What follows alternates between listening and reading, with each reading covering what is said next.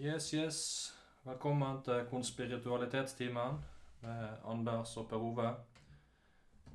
Ja, vi er jo to uh, unge menn i vår beste alder som sitter i, i, joggedressen og, og snakker om spiritualitet og konspirasjoner og psykologi og andre ting som opptar oss. Det, jo, uh, det har jo vært en del av hverdagen vår i, i noen år, om ikke hele livet. Så hvordan går det med deg? Det går bra med meg, Anders. Har du hatt en eh, fin uke? Eh, Ja, jeg har vel fått gjort, eh, fått gjort litt denne uken. Jeg har begynt igjen så smått å jobbe etter sommerferien. og Mye å gjøre hjemme på, på gården. Vil du fortelle hva du jobber med? Jeg jobber med salg og markedsføring i IT-bransjen. Men det er jo Det er jo klart at det er andre ting som opptar meg i, på fritiden enn det. Det. Du har andre interesser enn jobb? Ja, heldigvis så har jeg det. Så har vi òg Vi har noen prosjekter hjemme òg, så det blir en del eh, rydding. Og så har vi akkurat begynt å, å ta opp potetene som vi sådde i vår. Eller tidligere i sommer. Og det var jo det var jo spennende. Ja, Så du, du dyrker jo litt eh, til eget bruk, så? Poteter? ja. ja. Det er kun Det, poteter? det er kun til eget bruk. Eh, det er kun poteter eh, foreløpig. Litt uh, grønnkål. Og så kommer vi vel til å utvide det litt etter hvert. Vi har god plass til å dyrke. Ja, da, Så har vi drevet og ryddet litt i en bod og laget en ny bod oppe i låven. Så det er sånn litt forskjellige ting. Det er jævla rart hvor mange ting du kan ha i, i en bod. skal du leie ut låven? Jeg skal ikke leie ut låven, jeg trenger jo den til bod.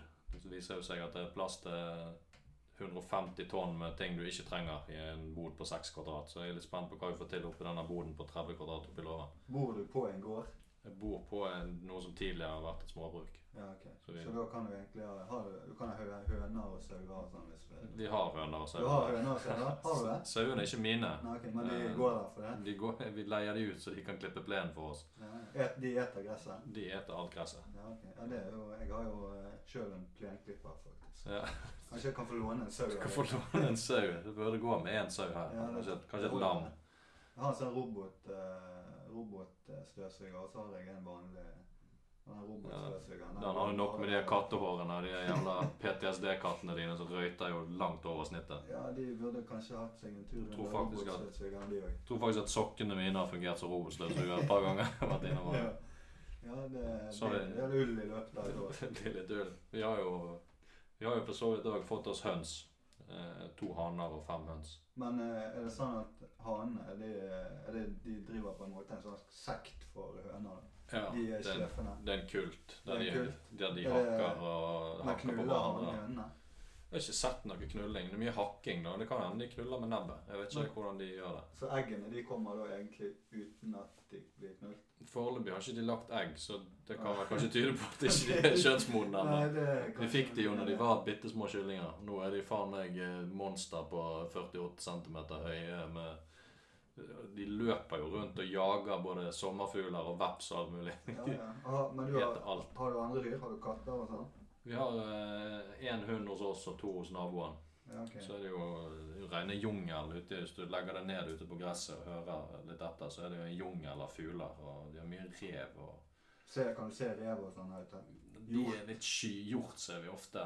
Ja. Eh, Men eh, reven er jo sky, da, så den ser vi ikke så ofte. Nei. Men du har sett rev? Jeg har ikke sett rev. Jeg har røyket rev. Du har røyket rev. Det er noe annet.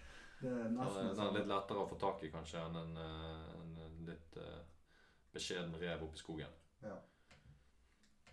Ja, hva har du gjort på den siste uken, da? Nei, jeg har eh, ikke gjort så mye denne uken som var. Men uken før det så var jeg i Oslo en tur. Ja. Storbyen Oslo. Jeg var og gjorde standup. Standup måtte du reise med munnbind og gjøre standup med munnbind. Jeg slapp munnbind og gjorde standup, men jeg brukte munnbind på flyet og toget og bussene der borte. Og så var jeg på en TV-innspilling som gikk rett til helvete.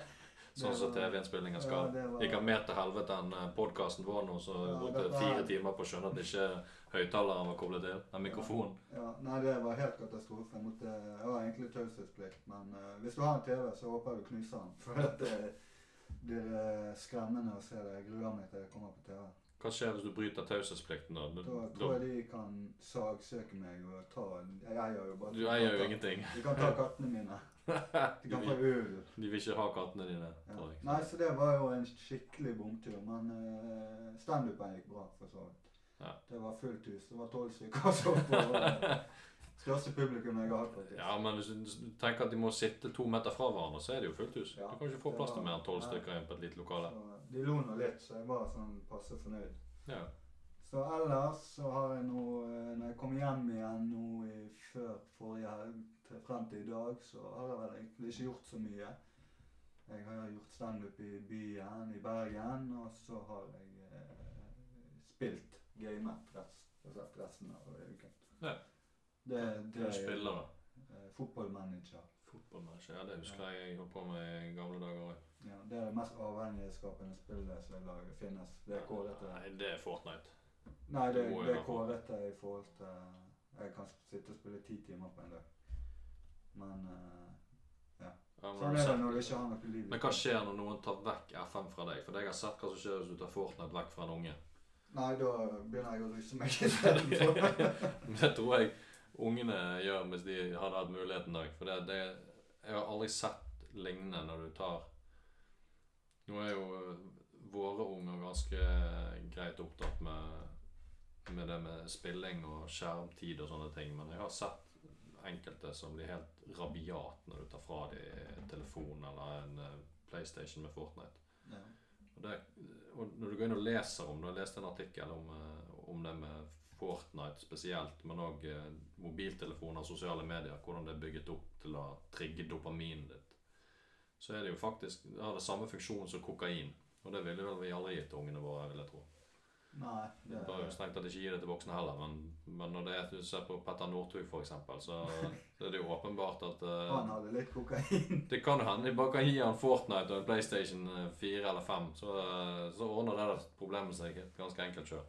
Jeg tror han hadde valgt kokain uansett. Tror du det? Ja, det tror Jeg er faen ikke er sikker. En uke uten kokain og så bare Fortnite, så tror jeg han hadde valgt Fortnite først.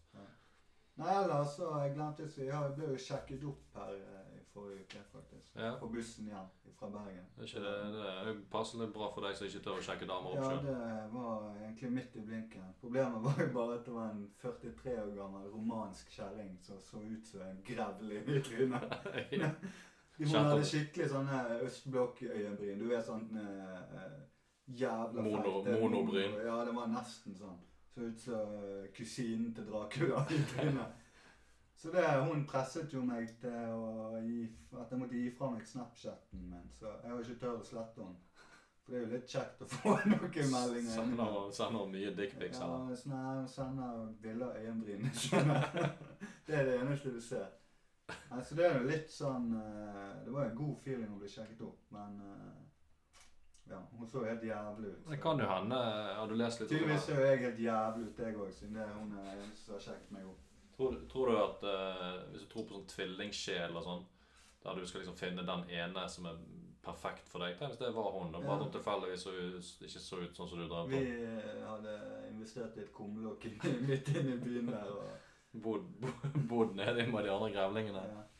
Nei, så det var Nei, jeg må slette om på Snapchat. Men jeg er ikke så konfliktsky, og jeg tør aldri å gjøre sånne ting. Jeg tør aldri stå opp for meg sjøl. Det er jo et stort problem. Jeg, Ja. Det er en av de eh, mange svakhetene jeg har. I hvert fall ifølge psykologen min. Ja, ja, men det å sette grenser og stå opp for seg sjøl, det er viktig. Ja, det er jeg veldig dårlig på. Ja. Men det er jo sånn som det går an å jobbe med.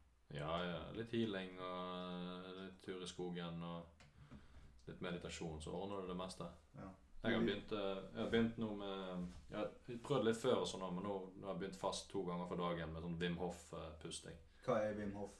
Wim Hof er en mann fra Nederland som eh, går under kallenavnet The Iceman. Han han, er- Han er en levende legende.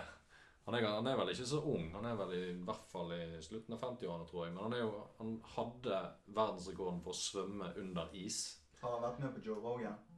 Eh, ja, det tror jeg Ja, òg. for jeg, der var det en ismann som mediterte. Ja. Det er nok sikkert han. Ja, det må det være. Nå er det nå er jo en dansk eh, som har tatt denne verdensrekorden i å svømme under is, men han er jo fortsatt ganske spesiell. De har jo Blant annet så de, de har forsket på han, fordi at den, denne pustegreien han gjør, den kan jo, han sier det kan heale han, og det kan få han til å ikke kjenne kulde og ikke kjenne varme. Han har, I tillegg til det å være lengst under is, eller nede i is, eh, uten å liksom daue og få varige men, så har han òg løpt eh, sånne maraton i Death Valley i USA i denne 53 grader. Eh, han løp, han drakk nesten ikke vann eller noen ting. Han bare puster seg gjennom, så merker ikke kroppen hans det. Ja, det er jo helt sykt. Så- Ja, jeg tror faktisk jeg vet hvem han er. Det, Ja, så han, eh, det er en spesiell fyr. De, de der er det de, et forbilde for deg? Han, han, er jo en- han er et supermenneske. Men eh, nei, det er, ikke, det er ikke det som er målsettingen min, verken maraton eller bade i isvann. Jeg er jo tør så vidt å dusje meg når det er mindre enn 30 grader i dusjen. Jeg har faktisk løpt halvmaraton Ja. inne i Ja. Bergen sentrum og ble meldt savnet. Krøp siste kilometer. Jeg ble meldt savnet, og når jeg kom i mål, så hadde jeg 100, 100 telefoner og meldinger. De lurte på om jeg var i live. Så det var Jeg kom jo i mål eh, bak de som brukte rullestol, faktisk. Ja, ja, men du fullførte jo. Men rullestol, det er jo Nei, det var en i rullestol. Han kom over brosteinen inne i byen der, så tippet han over. Så da kom jeg i Da tok jeg han på toppsiden. Ja, men det er bra, det. Ja. Da var du nest sist. Nei, jeg tror, eh, jeg tror det at det kan være sunt å, å drive med litt sånn pusteteknikk og sånn. Jeg gjør det egentlig mest for, eh, for klarhet og det å liksom føle Mediterer du mye? Jeg prøver å få gjort det som en fast rutine nå de siste par ukene. Jeg har gjort det og én til to ganger hver dag i ja, kvarter til kvarter 20 minutter, halvtime. Jeg har ikke tålmodighet til deg. Jeg klarer ikke å sitte i ro så lenge. og... og Nei, men det, du begynner jo i det små. sant? Jeg er jo begynner med ett minutt, og så jobber jeg meg opp til tre. Og... Ja. Men, Du eh, begynner der du må begynne. Men dette hva er meditasjon? Er det sånn at når jeg sitter så skal tankene bare strømme liksom og komme til meg? Det gjør de jo uansett. Men jeg har jo det problemet at hvis jeg sitter ned og begynner å tenke uten noe, bare begynner å meditere, og så tenker jeg, og så kan jeg bare plutselig begynne å tenke på en appelsin. Det var det, den tanken som kom. Ja. Så klarer jeg ikke å slutte på det og tenke på den appelsinen, så det bare blir en tvangstanke istedenfor. Ja, men jeg, jeg, tror ikke det er noe farlig for en som har OCD å, meditere. Det er sikkert sunt, det òg. For det, det handler jo mer om at du skal lære deg å ikke bli kontrollert av tankene dine. Så det, det at det Ja, kommer faktisk- tanker, er jo noe du ikke kan unngå Jeg har vært på kurs, jeg, med det. i meditasjon. Meditasjon Eller OCD. mind, mindfulness. Ja.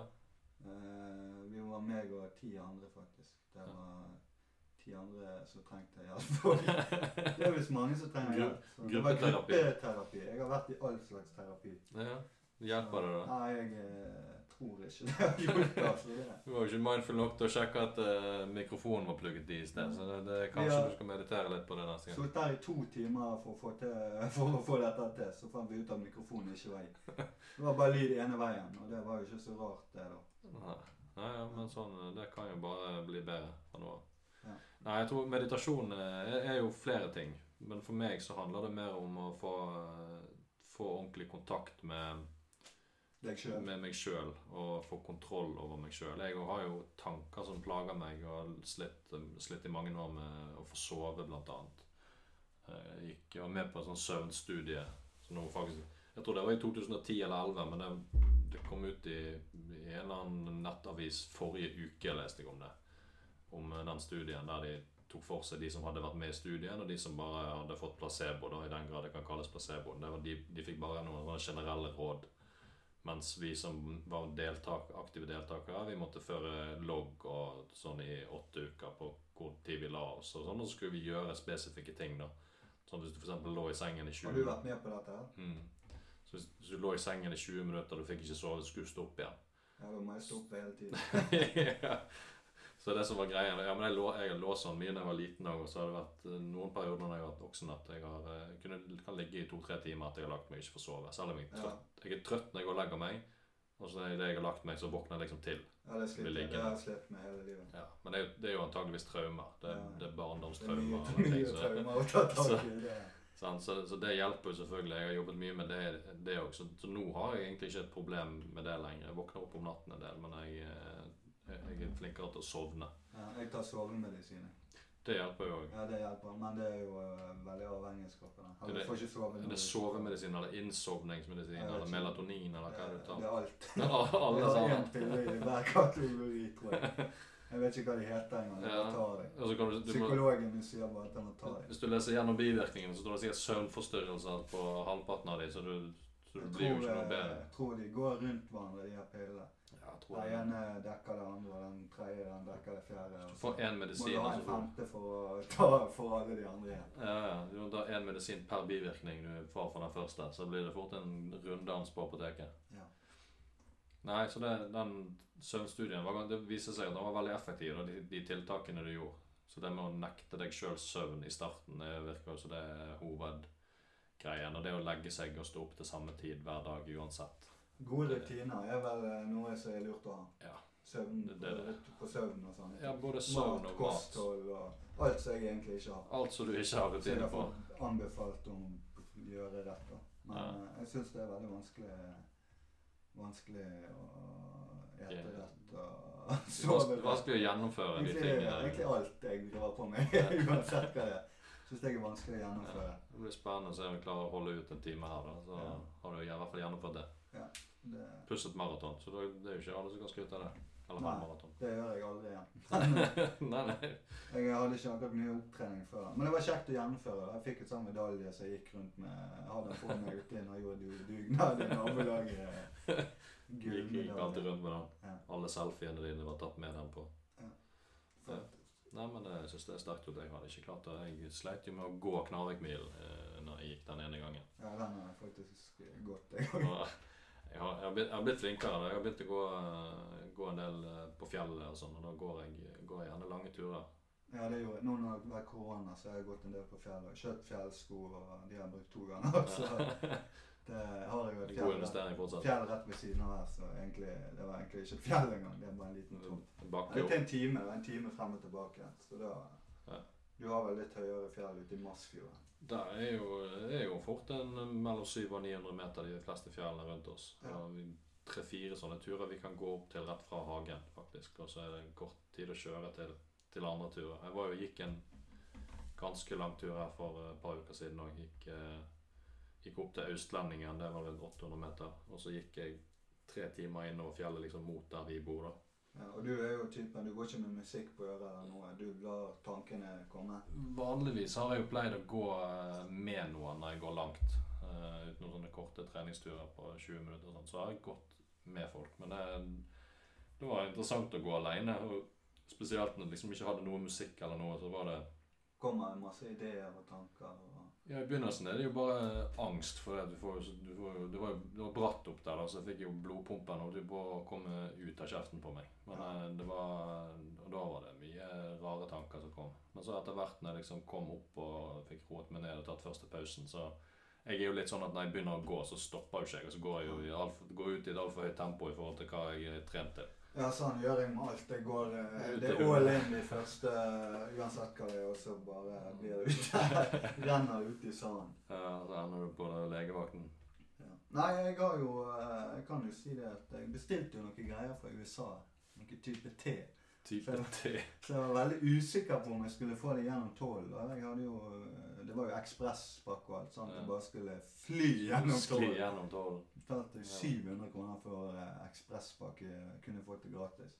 Ja. Så det var jo en gledens uh, kveld her i går når jeg så at den var blitt uh, kommet igjennom og måtte betale toll på den og alt. Så det, det betyr at det ikke var ulovlig. De har sikkert registrert deg en plass likevel som en mistenksom type. Kommer eh, det er masse politi på døren. Ja, det hadde de hadde det vel i det registeret uansett. Ja, det, så det ble spennende å se. Det var jo ganske mange Det var 300 gram med te som kom inn her. I alle slags fag. Så det gleder jeg meg til å prøve i neste uke. Da kan Ja. du, få, du kan få prøve det. Ja, Hvis det er sunt og lovlig, så er jeg med. Jeg, da. Ja, Det er i hvert fall ikke ulovlig på listen. Så. Står ikke på Tollvesenet sin obsliste. Det sto uklassifisert klassifisert som legemiddel. Ja, men hva er det for noe? da? Det, det er ingen som vet. Det er ingen som Det er en plante fra Indonesia Ja, som eh, jeg har hørt mye gode lover om. ja. Det er mange i Asia som bruker det. Til, det er mot angst og sånne ting. ja det hadde jo vært noe for oss liksom- sikkert. ja. Så jeg håper det at eh, det er supert. Har du lest deg opp på bivirkningene? At det ikke er like gale som de andre Jeg har lest på Reddit og Frikforum hvor mye du skal ta for at det skal bli bra. Så, mye du skal ta. Så jeg, pleier, jeg har jo en regel om at uh, jeg alltid tar litt mer enn jeg skal, sånn at jeg får virkningen jeg vil ha. Ja, det er jo eh, litt sånn eh, ja, Du har vel litt toleranse for det meste. Ja. Så kjører i deg eh, to Monster og en Red Bull til frokost. Ja, det er dessverre sånn alt. Jeg har toleranse på alt. Ja. Så det blir dyrt for meg å holde på med ting. Du må bare slutte, da. Ja, jeg har sluttet med alt nå. Jeg sluttet å drikke alkohol også etter denne Oslo-turen. Ja, Så var jo, havna jo, var jo, havna jo på et nachspiel i Drammen. Jeg spurte hvor jeg var. Nei, du er i Drammen. Tok dere Jeg vet taxi ikke, og jeg eller måtte trikk Jeg eller taxi fra? Drammen til Oslo. Jeg vet ikke hvor langt det var så jævlig det full. er en 20 minutter, halvtime. Ja, det var en halvtime med taxi. Ja. Jeg eh, visste ikke at eh, Det er jo faktisk en by, det. De er Ja. rett ved siden av hverandre. Ja, Så det var jo nesten så Åsane og. Bergen, bare litt lenger. tidenes hodepine når jeg, jeg hadde sovet én time når jeg kom til på hotellet og skulle reise, ta flyet hjem. Jeg har aldri vært så dårlig. Jeg måtte jo avlyse den podkasten jeg skulle lage. Vi skulle lage egentlig gjøre det forrige helg. Ja, ja.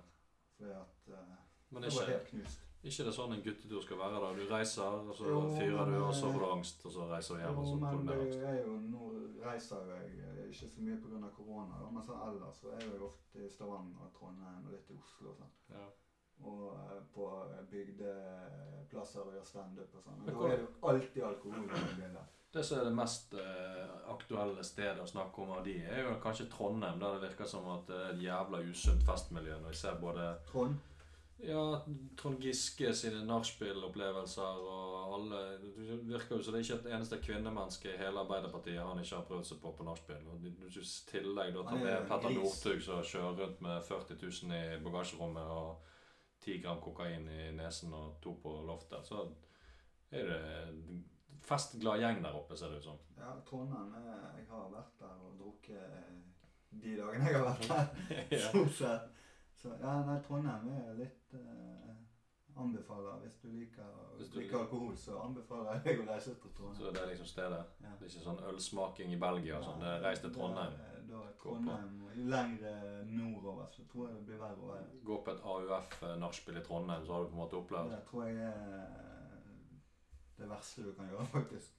Du, du burde jo strengt tatt egentlig meldte på i NM i, i langrenn, føler jeg. Så du som har prøvd både klosterbol og kokain, så burde jo du hevdet deg i toppen der med Northug og Ja, jeg tror jeg hadde vunnet, faktisk. I festing eller i langrenn. Jeg hadde gått i mål en runde før Johaug. Ja, det er jo klart at når du hvis, du hvis du er glad i snø, så er det vanskelig å gi seg når du Ja, er det ferdig med er en dyr hobby det. er de som driver på med. Langrenn eller kokain. Begge deler tror jeg er en dyr hobby. Ja, jeg tror det. Kanskje derfor Jo har begynt å løpe nå, når hun Ja. ikke skal havne på samme kjøret som Northug. Petter Northug burde tatt seg noen løpeturer etter hvert. Ja, han burde gjerne begynt med orientering. Han. Ja. Kanskje. Han, blir gjerne god i det nå når han ikke har lappen lenger. Men uh, du ber jo litt om trøbbel når du kjører en sportsbil og uh, kjører i 200. Det er jo ikke Altså, du blir jo lagt merke til. Ja, det, det blir du. Sånn bil til halvannen million og kokain i nesen til halvannen million. Så Hva- blir du sikkert hard på labben. Tror du de 40 000 var det de pengene han fikk betalt for den skiskolen han var på? Tror du det? Nei, jeg tipper det var vekslepengene etter han eh, kjøpt Han spiller jo mye poker og sånn. da.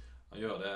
Så det virker så det, Det er sikkert, det er sikkert et litt sånn rart miljø å være i hvis du, ikke- hvis du ikke har Du som sliter litt med pulskontroll, så Ja, jeg tror ikke jeg skal spille poker og være i det miljøet der. Nei, det så Jeg litt tror jeg eh, hadde måttet spille spilt vekk katter og alt som var.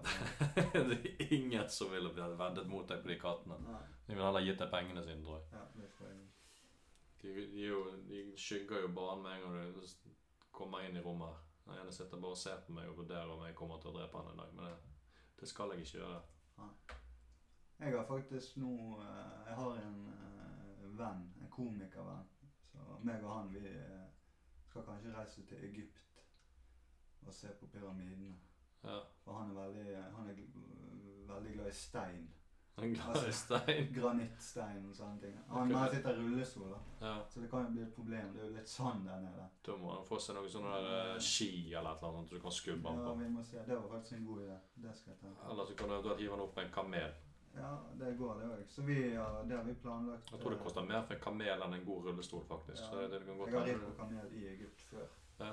Så jeg har faktisk litt erfaring med. Nei, vi skal, Men vi må jo vente til koronaen roer seg ned, for han kan jo daue hvis han får det. Ja, Men- det kan jo hende. Han dør og sånn altså, tror han så dårlig. Ja, nei, han eh, har en sånn eh, Han har en sykdom av et eller annet slag. Ja. Så det er grunnen til at han sitter i rullestol. Ja, Så eh, ja det er ikke noe det gleder jeg meg veldig til. Til han dør. Ja, da eh, For- Det var som om han skulle betale turen for meg òg. Jeg skal være sånn reiseassistent. Å ja, altså du får gratis sånn ledsager? Ja, jeg jeg, er ledsager, ja. Så det var midt i blinken. Det, var, det ble årets Så det er Bra at han fant en som har vært i Egypt med stor suksess Ja, før. det var det som var Jeg sa jeg har vært inne i pyramidene. Og har vært i Kongenes dal og sett alle disse gravene. Og jeg reiste jo rundt i to uker og så alt som var. Ja. Med blærebetennelse. Kjempesuksess. Så eh, da så, Ja, hvis han får blærebetennelse, hva skjer med han da? Da tror jeg han fortsatt død. Ja, så, Så det var liksom det som var Når jeg sa det, så var det greit. Da var det jeg som skulle men sa du det med blærebetennelsen? Holdt du den informasjonen tilbake? tilbake. Men jeg har altså da reist med buss på kryss og tvers av Egypt i to uker og sett alt som så an å se. Det er jo, eh, høres jo ut som en eh, fascinerende reise. Jeg har sett eh, Vet du hvem Tutankhamon er? Ja. Han, eh, jeg har vært inne i gravkammeret hans. Ikke det frekt egentlig å gå sånn der inn Nei, det, du, man, man måtte betale for å gå inn der. Ja, det er jo klart du måtte betale. Jeg hadde egentlig ikke noe å betale med, men jeg, jeg hadde tre lire som de fikk. Egyptiske lire. Nei, de har i Kongenes dal så kan du eh, kjøpe sånn eh, Det er jo mange hundre graver. ja. Og så kan du kjøpe sånn pakke at du får lov å gå inn i tre av de. Du kan velge hva tre du skal gå inn i. Sånn at du ikke bare skal vandre overalt. Og, og da var jo han selvfølgelig en av de Og Ramses den andre også. ja, Var det de dyreste da, eller? Var det sånn som Eh, ja, Nei, det var lik pris på det. Ja, ok. eh, ja, For jeg var jo i Miami, og så, så siden jeg var ikke mumier? Så var det lite mumier, men jeg, var jo, jeg har jo aldri vært i militæret, så jeg bestemte meg for at eh, jeg må jo prøve å skyte med noen ordentlige våpen en gang. Ja. Så da betalte jeg sånn pakke òg, så fikk jeg skyte med, kunne velge tre våpen jeg skulle skyte med. Men da var det jo forskjell for eksempel, på eh, håndvåpen og eh, denne sniperrifle. Hva er en håndvåpen? Granat? Altså, nei, pistol, liksom. ja, ok. Så Kan du jeg skyte med AK-47 og sånn? Jeg tror ikke de hadde AK, men de hadde jo Jeg skjøt med en sånn M16, sånn som det vanlige militære eh, maskingeværet, eller Ja. en assault rifle. Og så skjøt jeg med en maskinpistol. Det var, jeg tror det var 22, 22 kuler i magasinet. Så ut som en pistol men en sånn langt ekstra magasin under, og så var den automatisert. da. Når du liksom holdt inne avtrekkeren, så forsvant jo de 22 Ja. skuddene på et halvt sekund. Jeg tror jeg ikke skal bruke våpen. Jeg fikk ikke lov å gå i militæret, faktisk. De sa det at Var det for eh, mye OCD? Det, jeg tror jeg, Da blir det en fare for nasjonen. Å ja. Jeg eh, ville ikke. Nei, jeg ville ikke jeg heller, men eh, jeg fikk ikke lov. Altså. Jeg tror eh, ikke det hadde vært noe for meg heller. Nei. Renhold og ta imot eh, ordre fra andre, det har aldri vært noe Nei, jeg er ikke, ikke veldig begeistret for verken uniformer eller uh, ta imot ordre, jeg heller. Så det Nei, Hvis vi blir invadert av Russland, så tror jeg jeg flytter ut til deg i Moskva. Her kommer aldri russerne inn uansett. Nei. Så det går fint. Ellers så har vi jo Har jo sett noe gøy på TV i det siste? Eller hørt noe musikk. Jeg ser jo faktisk nesten ikke på TV lenger. Jeg har riktignok fakt... Jeg, det, det kom en ny serie på HBO, så den, jeg måtte nesten uh, sjekke den ut. da, fordi at det er basert på en bok som jeg har lest. Så jeg tenkte jeg skulle i hvert fall se om de hadde fanget opp eh, innholdet sånn som jeg har fanget opp. Tror du? Jeg tror jeg vet hva serien min. Hva heter Eh, den? Brave New World heter den. Ah, ok, det var ikke den. Ja, så den, den så jeg eh, første to episodene av innen dagen. Og det, det handler jo om egentlig det, det er jo Elders Aldous Huxley som skrev en bok i tror det var i 1942 eller noe sånt. Har du lest den boken? Den har jeg lest, ja. Eh, Det er en stund siden nå, men det, det, handler i hvert fall om eh, et samfunn som er styrt Altså I motsetning til den 1984 av George Orwell, der samfunnet er styrt med kontroll og våpen og overvåking og sånn, så er samfunnet styrt med Det er for så vidt en kontroll der òg, men det er styrt etter et hierarki, og så blir alle menneskene holdt kontrollert ved hjelp av lykke, egentlig. Så alle får en pille som de kaller for Soma. Eller, altså de går tar det hver dag, flere ganger for dagen, og hver gang de blir litt opprørt eller irritert eller alle negative følelser skal liksom undertrykkes med noen pillen. da. Så jeg vet ikke om det er noen sånn type MDMA light eller noe sånt. De, de liksom er, Det jeg og aldri, jeg vet ikke hva er MDMA. Det er narkotika som eh, stimulerer serotonin eh, og dopamin. Sånn Sånn du blir glad og liksom. Du blir glad og lykkelig og elsker Ja, deg sjøl og alle. jo alle prøve. ja, det kan du si.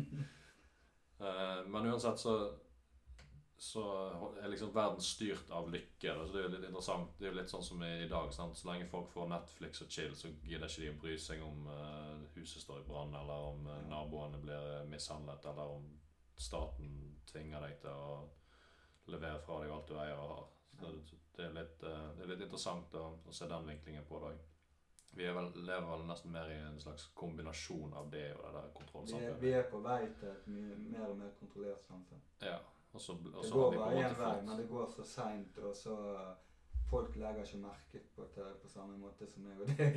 Nei, det gjør gjerne ikke det. Så er jo litt, litt det at jeg tror folk er liksom fornøyd hvis de får de stimuliene sine. Det er jo som Vi snakket jo om dopamin i sted, men hvis, det virker jo litt som i Norge i hvert fall, og kanskje i store deler av Vesten, så er det litt sånn du skal gå på jobb, og så skal du gå hjem, og så skal du drikke deg full i helgene, sånn at du kan Ja, gidde å gå på jobb igjen. Jeg har venner som de er på jobb, så kommer jeg hjem, så ser de Friends for hundrede gang.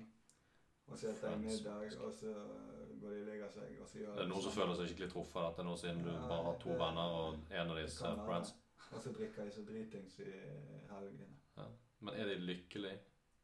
De er sikkert lykkelige i sin boble. De går på en måte De lever jo i en boble, da. Ja. Bærer alt utenom Altså, de bryr seg ikke om hvordan universet er bygd opp, sånne ting.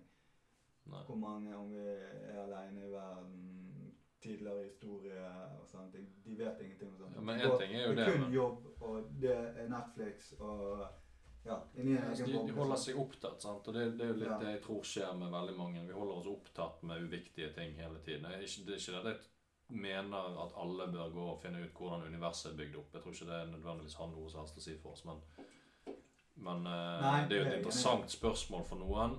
Og jeg interesserer meg sikkert mer for det enn en del, og du interesserer deg veldig for det. Du burde jo kanskje heller begynne å ta stilling til de små spørsmålene først, Ja, før du finner svar på de store. Men. Jeg har ingen svar på de små, bare de store. Ja, så, men jeg tror òg at hvis folk bare luller seg inn i en eller annen sånn tilværelse der de kan omtrent bli tvangsfòret med et rør eller en tablett Ja, så lenge de sitter og ser på de Har de jo på sånn. Netflix, så går livet rundt, liksom. De fleste er jo sånn. Ja, og, det, og det er trist Ja. å se på.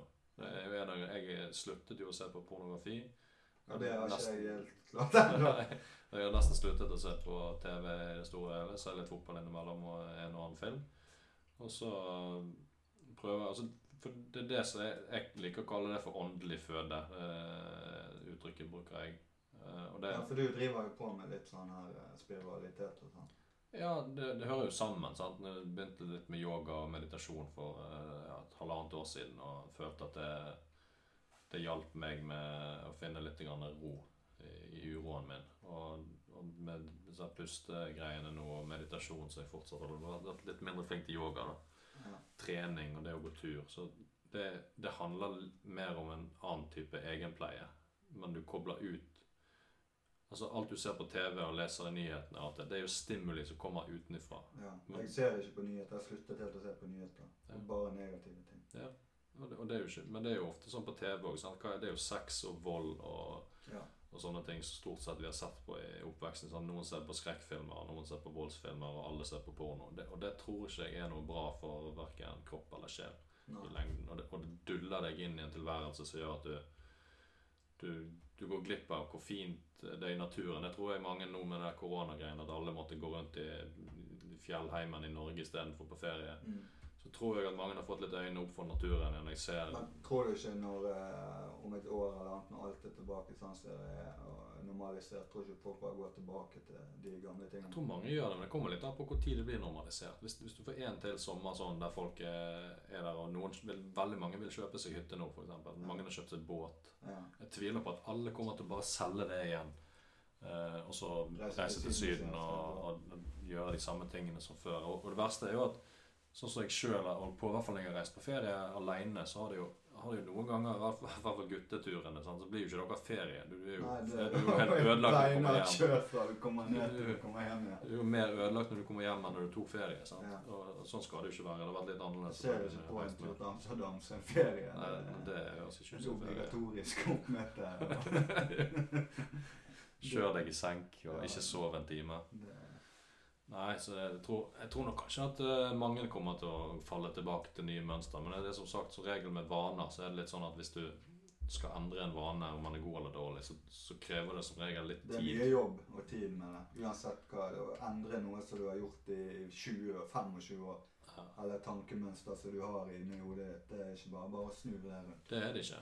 Det, det Uansett hva det er. Nei, og det, er derfor, og det er det jeg tror jeg får hjelp til med meditasjon og den pustingen. Det er at da, for da tar jeg kontroll. For pust, puste gjør vi jo alle. Alle puster. Men er det noen som puster veldig dårlig? Ja, jeg puster dårlig. Ja, og Spesielt folk som har traumer og psykiske lidelser, puster ofte bare så vidt ned i halsen og ned i brystet. Av og til så tror jeg ikke at jeg puster i det hele tatt. Nei, Det kan godt hende du ikke gjør det. Nei. Og Da får jo kroppen din mindre oksygen. sant? Og du får Og frakt så får mindre panikkanfall, og så ja. Og det er jo ikke rart at du får panikkanfall, for hvis kroppen din ikke får nok oksygen, så vil du på et eller annet tidspunkt tro at han skal dø. Ja, det er flere ganger jeg har klandra meg opp etter sjøl, så har folk trodd at jeg skal dø. Det har med helt andre ting å gjøre enn pust. Men, men jeg tror eh, det er jo det de der pust, alle pusteøvelser går ut på. Sant? Det handler om at du tar kontroll over din egen fysiologi. Eh, og ved å ta kontroll, så, så kan du òg lettere kutte en dårlig vane, f.eks. Ja. Det er liksom det som er målsettingen min, i hvert fall. Å prøve å kutte. For min del så har sukkeravhengighet vært, eh, vært en greie hele livet. Ja, men jeg, jeg klarer ikke slutte å drikke energidrikker. Nei, det er jo fordi koffein er kanskje ja, det mest vanedannende stoffet. Ny monster med trippelshot, sånn ekspress Ja. kaffe. Der har du det. Da er det jo Petter Northug har vært sponset av Red Bull i faen meg i fem år. skjønner jeg. Ja. Det er ikke rart han begynner med kokain til slutt. Det Det er det ikke samme hvis du tar fem Red Bull, så tror jeg du får litt sånn Ja. feelingen som en stripe med kokain. ja, sikkert. Det, det varer jo sikkert lenger òg. Ja. Han har jo eh, Nei, han har vel bygd opp for mye toleranse mot Red Bull som at han har på sterkere saker. Ja, det er nok det. Og jeg tror eh, Men tror du hvis han hadde blitt tatt, eh, ikke hadde blitt tatt nå, så hadde han beholdt det gående? Spørs om den kjøringen der om ikke han til slutt hadde smelt. Det er jo ikke så lenge var det i fjor eller forfjor han krasjet. Nei, det var 2014. Det er så lenge siden. Men han har jo sikkert kjørt mange Jeg skal ikke uttale meg om noe jeg ikke vet, men det er sikkert ikke første eller siste gang han har kjørt. Så eh, Nei, For- typ, hvis du har en bil som går fra Ja, ja, nå har jeg en bil som går fort opp i 100 sjøl, men eh, ja. Nei, det, det er ikke Jeg vet ikke hva som skjedde med Petter Northug, men det er, det er jo litt det du ser det med, så det med Klaus Lundekvam og Ja. ser det med mange idrettsutøvere som Noen tåler ikke det å være i rampelyset hele tiden, og noen tåler ikke å slutte med det de har drevet ser på med så jævlig. Erstatte det adrenalinkicket adrenalin, Ja. hvis du vinner, eller Ja. Og den feelingen, den gode feelingen, at alle elsker deg, og alle Ja. ser på deg og forguder deg, og hvis plutselig bare er vekke, Ja. så er det sikkert lett å ty til rusmidler. Vi ser du jo på ungdom som tyr til rusmidler og sånt. Det er jo ofte barn og unge som ikke blir sett hjemme. Ikke får nok. oppmerksomhet hjemme, så- Lite oppmerksomhet og alle de tingene. Så det kan hende er bare Petter Northug må hile det indre barnet sitt og komme i kontakt med, med Kanskje han kjærligheten skulle sin. hatt en tur på deg. Kanskje det. Ja. Vi får invitere han. Han og hvem andre?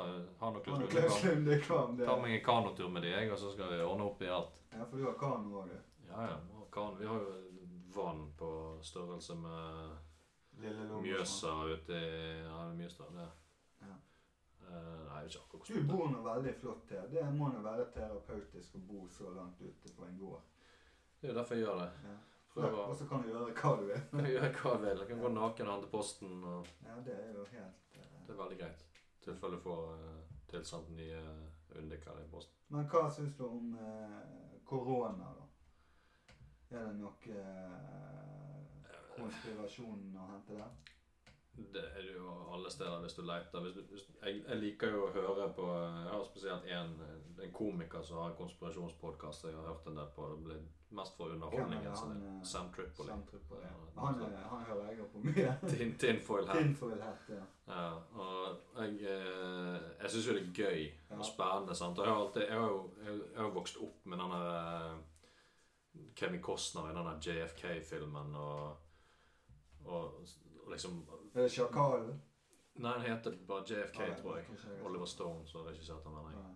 Eh, Det handler liksom om det var om det bare var Lee Harvey Oswald som skjøt eh, JFK, eller om det var noen andre involvert. Ja, CIA og sånn. Nei, jeg tror de, de holder på å bli deklassifisert. Noe av det ble jo deklassifisert. For de har jo Skulle ikke når denne loven kom i, i USA, men da hadde de i hvert fall hatt en lov som heter Freedom of Information Act, som, som tilsier at de etter så og så mange år kan deklassifisere ting som har Ja, vært kan, du kan begynne å kikke i gamle dokumenter. Ja, de legger det rett og slett ut. Ja. Eh, om det er Pentagon eller CIA, så legger For de det ut. ser jeg med CIA, med han her eh, Alle disse her som fikk LSD på 50-, 60-, Ja. 70-tallet. Nå går det an å hente ut eh, informasjon. Ja, det er Operation Northwood. Ja. Og det, de har jo eh, de har jo mange sånne der, eh, tidligere konspirasjonsteorier som har vist seg å være sanne. Sant? Jo Hva heter han der eh, sektlederen?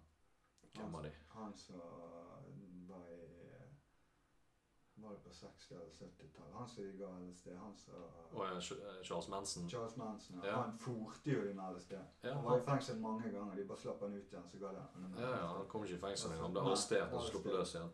Ja, for han, jobb, han jobbet jo for eh, etter det Black Ops-greiene til CIA, som, eh, som var en sånn hemmelig operasjon der han skulle Altså Det var en utvidelse av det der eh, Operation Northwood. Ja. der han skulle skulle gi LSD til, til ungdommer og se liksom om de kunne hjernevaske dem. Mm. Og det fikk han jo til. ja, det klart. Og det, og det drev jo de med på en måte i, i stor skala i, i mange år. Og, det, og, og så bruker de liksom da eh, den kalde krigen, eller russere eller tyskere, eller alt det som eh, Hvem det er de har som fiender, da, til liksom som unnskyldning for å kunne drive med det. Og det, det er ikke bare det. De ga jo De hadde jo enda noen sykere eksperimenter der de ga det til barn og ungdom. Mm. Eh, som frikket helt ut. For de, drev, de skulle teste ut om det gikk an å se fram i tid og sånne ting. De hadde sånne såkalte medier. Ja, ja, det er bare å eh, Ja, serum. Sannhetsserum. Ja, ja, masse ting de prøvde å finne ut. Så, så, og nå når disse tingene ikke lenger er hemmeligstemplet, så, så vil jo Akkurat sånn som med aliens nå. Sant? Ja. Plutselig sier de at ja, det, det er ikke lagd på jorden. og dette Ja, for er nå, en nå har de gått ut og sier det at det er ikke menneskeskapt. Ja. er de- Merkelig nok så eh, er får ikke du se det på TV 2 Men eh, men de har ikke vist det. Men de har sagt at uh, de har funnet ting sånn, som ikke er menneskeskapt, eller som ikke er fra denne jorden. Ja. De har ikke vist de eh, tingene. Nei, men Men det- ja, de har klipp fra de filmet de Ja, fra de- jagerfly. ja, ting som flyr i helt sanseløse altså Ja, både retninger og og, ned og, ja, og i farten de flyr i, er jo helt hinsides. Ja. Men jeg tror at uh, de slipper opp litt og litt. Ja, for at At, ikke eh, folk skal bli ja. redde, kanskje. Men samtidig så er det jo ikke det som har blitt sluppet ut, har jo ikke blitt Nei, altså, det det, var en bitte liten notis. På, på, I VG så var det en bitte liten notis Ja. om det. Og, Og da har jo du igjen er det myndighetene som eh, bestemmer så mye over aviser og TV-stasjoner. sånn at de, de bestemmer og sier ifra hva som skal snakkes om i forhold til det. Det kan hende, men jeg tror jo Det ser jo ut som Altså En sånn konspirasjon er jo at myndighetene er like styrt av det private, altså private selskaper eller personer, som, det som det nyhetene. på. Alle nyhetskanaler i USA er jo eid av er- fire personer. Ja, alt er jo bare en eh, paraply. Ja, så, det blir jo bare så en pyramide. Det er noen på toppen, så blir det mer og flere. Ja, og jo mer jeg har hørt på disse denne eh, Tinfoil Hat, så virker det som om at nå prøver de, disse konspirasjonsfolkene å dra absolutt alle konspirasjoner inn i én stor konspirasjon. Ja, for det er jo det det er. det, det er jo det det er. Alt er egentlig bare en konspirasjon. Ja. Og jeg tror altså, er jo liksom Jeg synes en av de argumentene mot konspirasjonsteorier alltid er jo det, «Åh, men det er jo, Du kan ikke få liksom tusenvis av mennesker til å holde på en løgn så lenge. Men du trenger jo ikke det, for de fleste som er med på det, følger jo bare ordre. Ja, ja. Og det er vi jo veldig flinke til. Når du ser nå med, med koronatiden, så ser du det hvor mange som.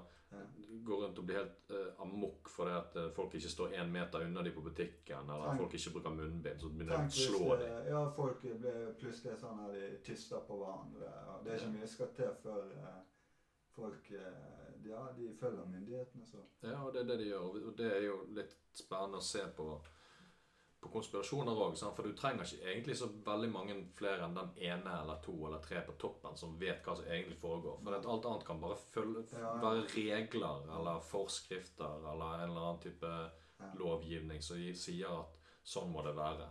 Hvis, hvis jeg hadde eh, vært en diktator, og så hadde jeg laget en lov som sier at eh, det er forbudt å snakke stygt om landets leder, Ja. og så, får du, og så er det dødsstraff for å bryte det. Og hvis, noen bryter det, så må du si fra, for ellers er det dødsstraff for deg òg. Mm. Ja, det, det er jo satt litt på spissen, men la oss si det er sånn i Nord-Korea f.eks.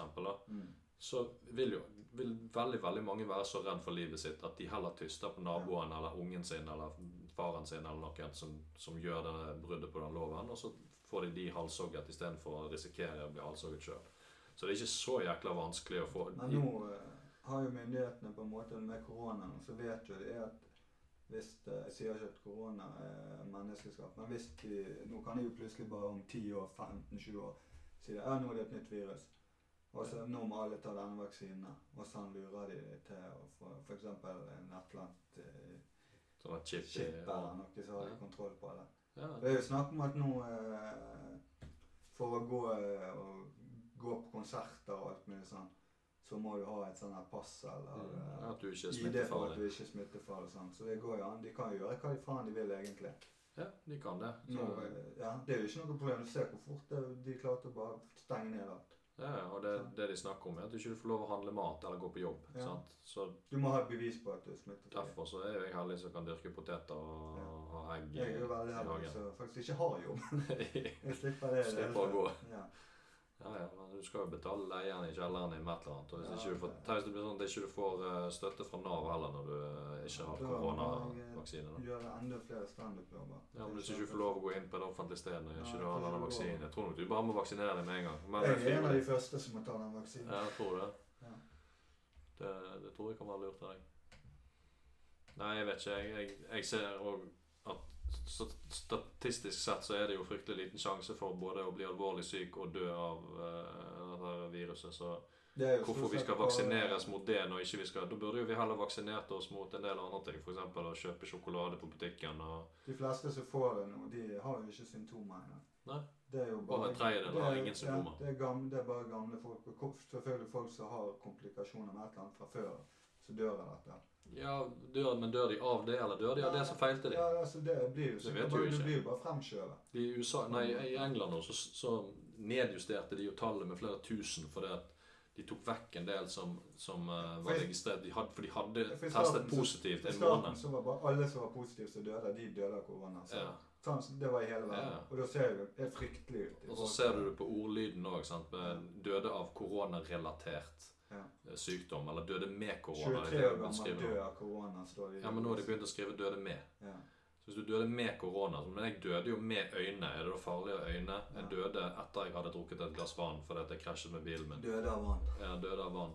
Ja. Jeg døde med vann i systemet. Ja. Eh, skal vi holde på sånn, så blir det litt Og hvis, Ja, og hvis VG hadde sånn- rapportert alle som hadde dødd av eh, f.eks. hjerte- og karsykdommer Ja. hver eneste dag, så hadde jo folk kanskje sluttet å spise for mye. Ja, eller, ja. Ja da, det er jo det, men eh, de skriver, alt skal jo skrives negativt og skremme. Alt er skremselspropaganda. Jeg vil heller, ærlig talt heller ha en chip i bankkortet mitt som gjør at jeg kan bare spise 200 gram eh, sjokolade i løpet av en uke. Ja, Enn å ha en chip i hånden som sier at jeg ikke har et virus som ikke er farlig for verken meg eller omtrent den eneste personen jeg kjenner. Ja. Kjenner du noen som har hatt korona? Mm, ikke som vi vet om. Jeg kjenner én. Men jeg tror det er bare ett tilfelle i hele Masfjorden kommune, og det er veldig få i Alver òg. Ja, det, var, det er nesten ingen her ute. Ja. Det er et par. Ja. Det var vel kanskje en, eller to når hun ikke for lenge siden. Ja, og det kan, det kan jo blusse opp igjen. Og så er jo ikke de testene så veldig nøyaktige heller, da. Jeg, men jeg syns jo det er helt uh, latterlig på en måte at de Jeg eh, syns jo det er helt ok at folk ikke drikker alkohol, sånn, men jeg tror ikke det hjelper at de stengte byen klokken tolv nå, eller skjenkestopp. For alle går jo bare på nachspiel eller på egne fester. Ja. Og så smitter de hverandre der istedenfor. Ja, da hadde det vært lettere å holde de én meter fra hverandre Ja, på et utested med vakter. Ja. Så der tror jeg faktisk de har gjort en bommert. Ja. Men, eh, Men det- selvfølgelig, det er jo bare til å være rygg, men det er mange som går ut bare der. Det som er med alkohol, er jo at det, det er jo ikke så bra for immunsystemet ditt eller noe Ja. annet. I tillegg så er det jo kreftfremkallende for minst syv typer kreft. Så strengt så burde jo ingen drukke alkohol. Nei. Eh, Det beste du kan gjøre hvis du ikke vil ha korona, det er faktisk å røyke cannabis. Har jeg lest. Ja, det kan jeg sikkert finne mye rart. Jeg tror det beste hvis du ikke vil ha korona, er bare å være sunn og frisk. Ja, det tror jeg men det sier de jo aldri noe om. De sier Nei. ikke at du f.eks. Får i deg nok D-vitamin, ja. enten via sol eller tilskudd, eller Jeg har begynt å ta én. Sånn slank deg hvis du er feit. Jeg har en tablett som heter jern. Jeg vet ikke hva den heter. Jern. Jern. Og så har jeg en multivitamin. Ja. Den er jævlig kraftig, så den må jeg ikke ta. Får ikke du forstoppelse av sånne jerntabletter? Nei, det har gått så bra så langt. Og så har jeg eh, Jeg har masse, masse tabletter. Jeg vet ikke hva de heter. Så masse medisin. Ja, Jeg tror du må bare slutte med de, jeg. Kanskje Ja. de gjør at du er ferdig med korona. Eller kanskje du ikke får korona når du tar de medisinene. Nei, jeg vet ikke. Jeg har ikke fått det ennå. Nei, det skal bare se du ikke får det. Jeg tror ikke jeg på det. Men jeg ikke, tror du ikke det er sånn at eh, jo lengre korona er, jo mindre smitte Eller mindre, hvis du får det uansett, så er det mindre farlig enn Jo, At det blir- virus er jo sånn. så- Viruset blir mindre farlig, da. Ja, det må det jo bli. For, det at hvis, for et virus vil jo egentlig bare replikere seg. Det, vil Ja. det har jo ikke noe, det er jo ikke noe behov for å ta livet av flest mulig. Nei, altså viruset tar livet Hvis viruset hadde tatt livet av mest mulig folk, så hadde det jo dødd ut fortere. Det er jo ikke noen å spre dette. Nei, det er akkurat det. det jo i den Så derfor så blir jo alle sånne virus mindre og mindre farlige etter hvert. ja. Så jeg, jeg tror, eh, Jeg tror det blir som en influensa, at det kommer og går. Ja, knapt nok det. Det er vel eh, De risikosonene er jo Altså eldre og folk i risikosonene for disse tingene tar jo influensavaksine nettopp for å ikke få influensa, fordi da dør de. Ja. Det, så det, for meg virker det som eh, voldsomt hysteri med, med korona. Og det, hvis du har lest VG gjennom disse månedene, så virker det som eh, alle mennesker mellom 25 og 30 kommer til å dø av det. For de har jo en ny sak hver dag om det. Og så er det hva er det, hvor mange 260 eller noe sånt i Norge som har dødd totalt. Ja, men det, jeg tror eh, det var sånn 40 000-50 000 de trodde hadde hatt det nå i Norge. Så det, og så er det toen. Det er jo ikke så veldig mange som har dødd av. Nei, hvis du er jævlig kjapp i prosentregning, så kommer du vel ned på et ganske lav tall. Ja. Ja. Så, så, farlig. så men- så farlig er det jo ikke. Men, eh, men hvis de f.eks. da hadde fått Hvis de hadde heller skrevet mer om det som Det kom, veldig, det kom noen små drypp, men det med at eh, de aller, aller, aller fleste som har fått det og blitt veldig syke eller dødd, har jo Mm. vært svært overvektige. Ja. I tillegg til å ha altså, Du har diabetes, og du har kreft. Ja, de har Da er- Alle som dør av det, sett har et eller annet. Da er jo du i risikosonen for å dø uten å få noe. Ja. eh, uansett. Så kanskje de heller burde jobbet med at alle andre som ellers er friske, burde f.eks. slanket seg eller eh, Mm. vært mer ute De snakker aldri om sånne ting. Nei. Aldri hvis du går til legen heller. Han sier jo ikke det. Ta og slank deg og et sunt. Det, bare Sier det kanskje hvis du er skikkelig skikkelig ja, ødelagt. Men sånn til vanlig, liksom, hvis du bare går og har noen plager eller sliter med noe, så Nei, får de gir- du stort sett får en pille pille. for angst eller noe. Pille for symptomene dine. Ja. Istedenfor å gå på fjellet og ete sunt og sove, sove nok. Og, Så jo nå faktisk Ja, det var, det var noe jeg hørte på en, det var på en podkast òg.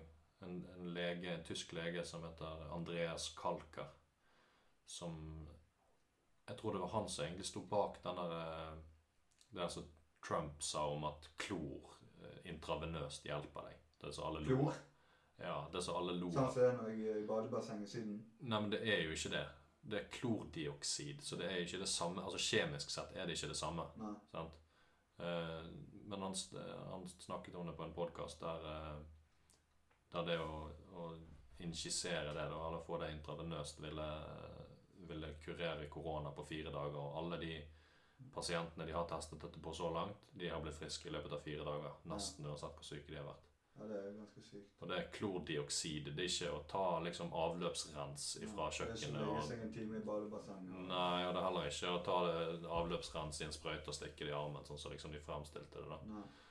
Eh, og det, Trump er jo ikke akkurat eh, tidenes eh, Hva skal jeg si Han professor i, i retorikk. og han, så, han snakker ikke så veldig Nei, han gir faen, han. Han, ja, Han bare sier bare noe rett ut uten å Ja. kunne det godt nok sjøl. Tror du han blir valgt igjen? Jeg tror han blir valgt en gang til. Ja, jeg, jeg tror egentlig det òg, i hvert fall etter disse her Men han Biden, uansett hvis han blir valgt, så sitter jo ikke han mer enn fire år. Men det er klart, han han overlever jo ikke så lenge. Han må jo ha Alzheimer eller noe. Det er noe han mye rare ting han sier. Men jeg, jeg har hørt et par taler han sier siste.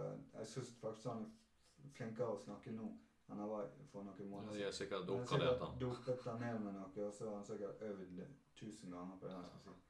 Ja, jeg vet ikke hva det var. Det var jo en fin Men det er helt sykt at et så svært land Det er faen det største landet i Det er jo ikke det største landet i verden, men det er med mest makt da, på en måte. Ja. og alt det der. Og så er det de to som kjemper om å være president. Det er veldig, Sier noe om hvor gale det er. Det burde jo være forbudt å stille til presidentvalg hvis du er over pensjonsalder, tenker Ja. jeg. Det er det minste. Altså hvis vi hvis Olav Thon skulle blitt eh, statsminister i Norge neste år fordi eh, han er rik og 100 år gammel, så, så blir det litt eh, Det, blir blir litt sånn rart system. Petter Stordal var stilt som statsminister. Ja, men han er i hvert fall ikke 100 år. Nei, Sant? han er Hvis jo han hadde vært senil og 78, så hadde jo vi Han ikke driver jo hotellet, han er han han han som han tror.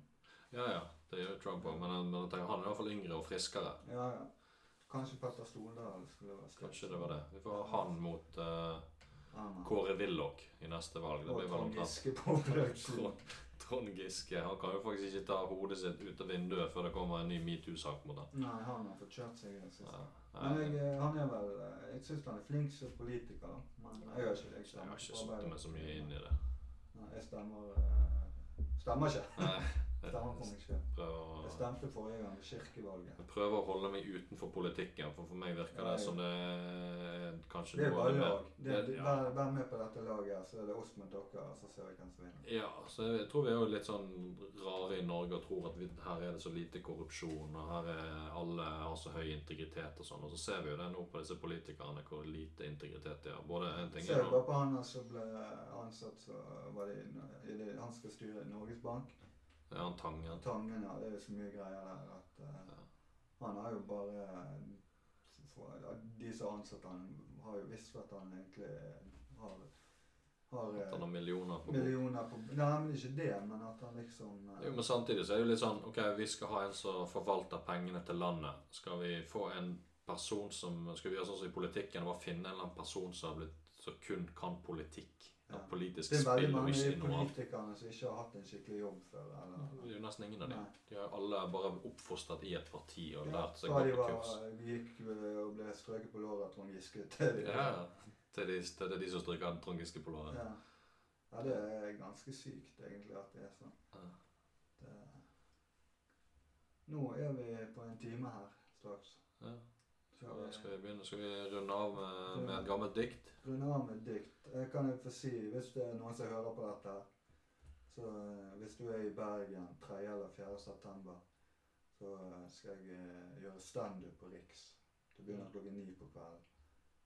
Så der må dere bare komme. Det er veldig lavt nivå. Så vi trenger de publikummerne vi kan få. Da skal du eh, avslutte med et dikt. Ja. Hva type dikt er det? Det er vel i kategorien eh, erotisk eh, kunst. Er det det du eh, det, det driver du på med på fritiden Med skrive erotiske ting? Ja, det har jo blitt, eh, blitt sjeldnere og sjeldnere etter hvert som jeg ble opptatt med høns og poteter. Men, eh, men eh, dette er skrevet, skrevet for noen år siden. Hvis jeg finner fram til det igjen. Det er jo, Ja. det er jo nærmere ikke sikkert. Jeg glemte jo for så vidt å ta sponsorene til Ja, de kan jeg ta nå. Vi har faktisk sponsorer òg. Det har vi helt glemt. De må jo være med hvis vi skal få lov å spille inn episode til. Ja, det er sant. Det var bra. Det er jo det som har gått til å få denne USB-ledningen så du klarte å få i PC-en din til slutt. Ja, Det er de som har kjøpt den USB-ledningen. Ja, så det, I tillegg så er det litt sånne rabatter og sånn ute og går til de tre og en kvart lytterne vi får på dette her. Eh, Men eh, ja, de to sponsorene vi hadde i dag i hvert fall, det var Isabella. Hun jobber på sengetøysavdelingen til Ikea. Hun har jo sett deg live tre ganger da, og syns at du er dritdigg. Eh, Og det er jo ikke så Er hun fra Romania? hun, er ikke, hun er ikke fra Romania, hun er norsk faktisk. Det er ikke så mange som kler gult og blått bedre enn det hun gjør. Eh, Eksen hennes syns iallfall det, da. Han tror jeg banket om både gul og blå for hver gang hun har vært på Standup Bergen og kommet hjem etter et dårlig nachspiel og ligget med en av komikerne. Jeg tror hun har ligget faktisk med alle i Standup Bergen utenom deg. Så min tur neste nå er det din tur. Det spørs om ikke hun får kamp av hun er rumeneren. Men hun gir i hvert fall uh, lytterne våre rabatt tilsvarende Ikea Family, da. Selv om du ikke er medlem av den kulten der, så, så får du rabatten. Hvis du bare, bare går inn og spør etter Isabella på sengetøysavdelingen, så skal hun ordne det. Hun har vel kanskje peiling på sengetøy og sånn. Ja. Godt mulig at hun har skitnet til noen laken, eh, hun òg. Ja. Og så er det da Marius. Han selger instrumenter fra sin egen nettbutikk.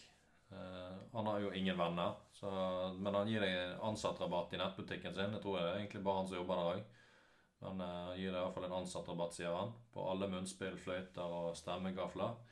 Og det eneste du trenger å gjøre for å få det, det er å komme og jamme litt med han i garasjen til foreldrene der han bor, da.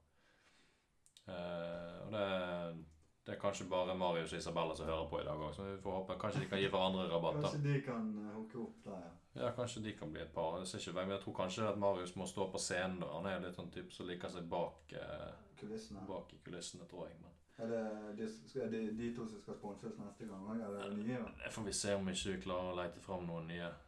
Ja. Eh, Men eh, hvis ikke, får, eh, får de bruke de en gang til. Ja, det skal vi alltids klare å få til. Var det, jeg har hørt at dette diktet har vært med i en konkurranse òg. Ja, det ble nummer to faktisk i en konkurranse i, i det som het Diktkammeret en gang i tiden i Dagbladet. Det var, det var sånn eh, erotisk diktkonkurranse, så samarbeid med mellom Cupido og Dagbladet. Der var du og to andre som var med i den. Nei, det var flere hundre med. Ja, ok. Eh, Det er mange, mange poeter i Norge, skal du se. Men hvordan skriver du disse diktene? Hvor får, henter du inspirasjonen ifra? Altså, jeg liker jo å hente inspirasjon fra mitt eget liv. Så, så disse diktene er hentet uh, egentlig rett ifra, mer eller mindre fra sengekanten. Ja, ja, rett ifra. Uh, så det er liksom Noen de, de tar seg en sigg når de er ferdige, og noen de Jeg liker å skrive dikt. da. Jeg tror jeg får, får mye inspirasjon av det å få den klarheten i hodet. og Kanskje jeg skal begynne på det når jeg ser ferdig pornoen, så skriver jeg dikt. Ja, men jeg, men jeg har ikke fått det etter porno. Jeg har egentlig bare fått det etter uh, Vanlig vanlig, gode misjonær... Uh, Ja. ja. Så kanskje du skal ringe til hun rumeneren og høre litt om ikke hun kan eh, gi deg litt kreativitet. Ja, det blir fort det i neste Ja, så får vi se hva vi gjør ut av disse diktene etter hvert. Jeg har, jeg har noen sånne gamle gode. Det har jeg jo skrevet i 2013, Ja, ok, så det er så det begynte å bli noen år. en tidløs uh, Men jeg fikk eh, tjente 2000 kroner på det, så det var ikke så verst, det. Jeg, fikk ganske god kritikk der, og hun Anne B. Ragde som var eh, juryformann òg, faktisk. Hun er kjent forfatter. Ja. Ja. Hun har skrevet noen bra bøker.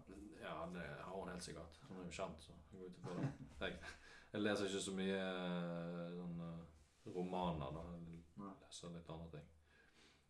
Yes. 'Morgenbrød er gull i grunn', heter dette. Hun er endelig vaken. Vi er begge naken. Nå kjem eg til saken, og jeg klapsa henne på baken. Dreg fram den harde staken, og nå skal vi grise til et nytt laken. Det var det? Det var det. Så enkelt kan det gjøres. var- Ja, det er jo helt utrolig at du har klart å vinne andreplass. Men, nei, men det var jo bra skrevet, da. Ja, det var eh, Det var, det var umåtelig. Jeg syns faktisk at det var nesten bedre skrevet, de der eh, De der eh, De kommentarene. Ja, men det var, det var veldig skryt for det i den der eh, oppsummeringen til juryen. Men det, Kanskje- kan vi, kanskje vi kan lese den neste gang. Kanskje jeg skal legge deg med meg inn på en eh, sånn open mic i byen, så kan du få lese opp disse diktene. Jeg må bare ha en som kan stå og spille litt sånn eh, Litt sånn jazz, siden eh, der. Kjenner Jeg jeg har noen kan nå. spille gitar, faktisk. Så.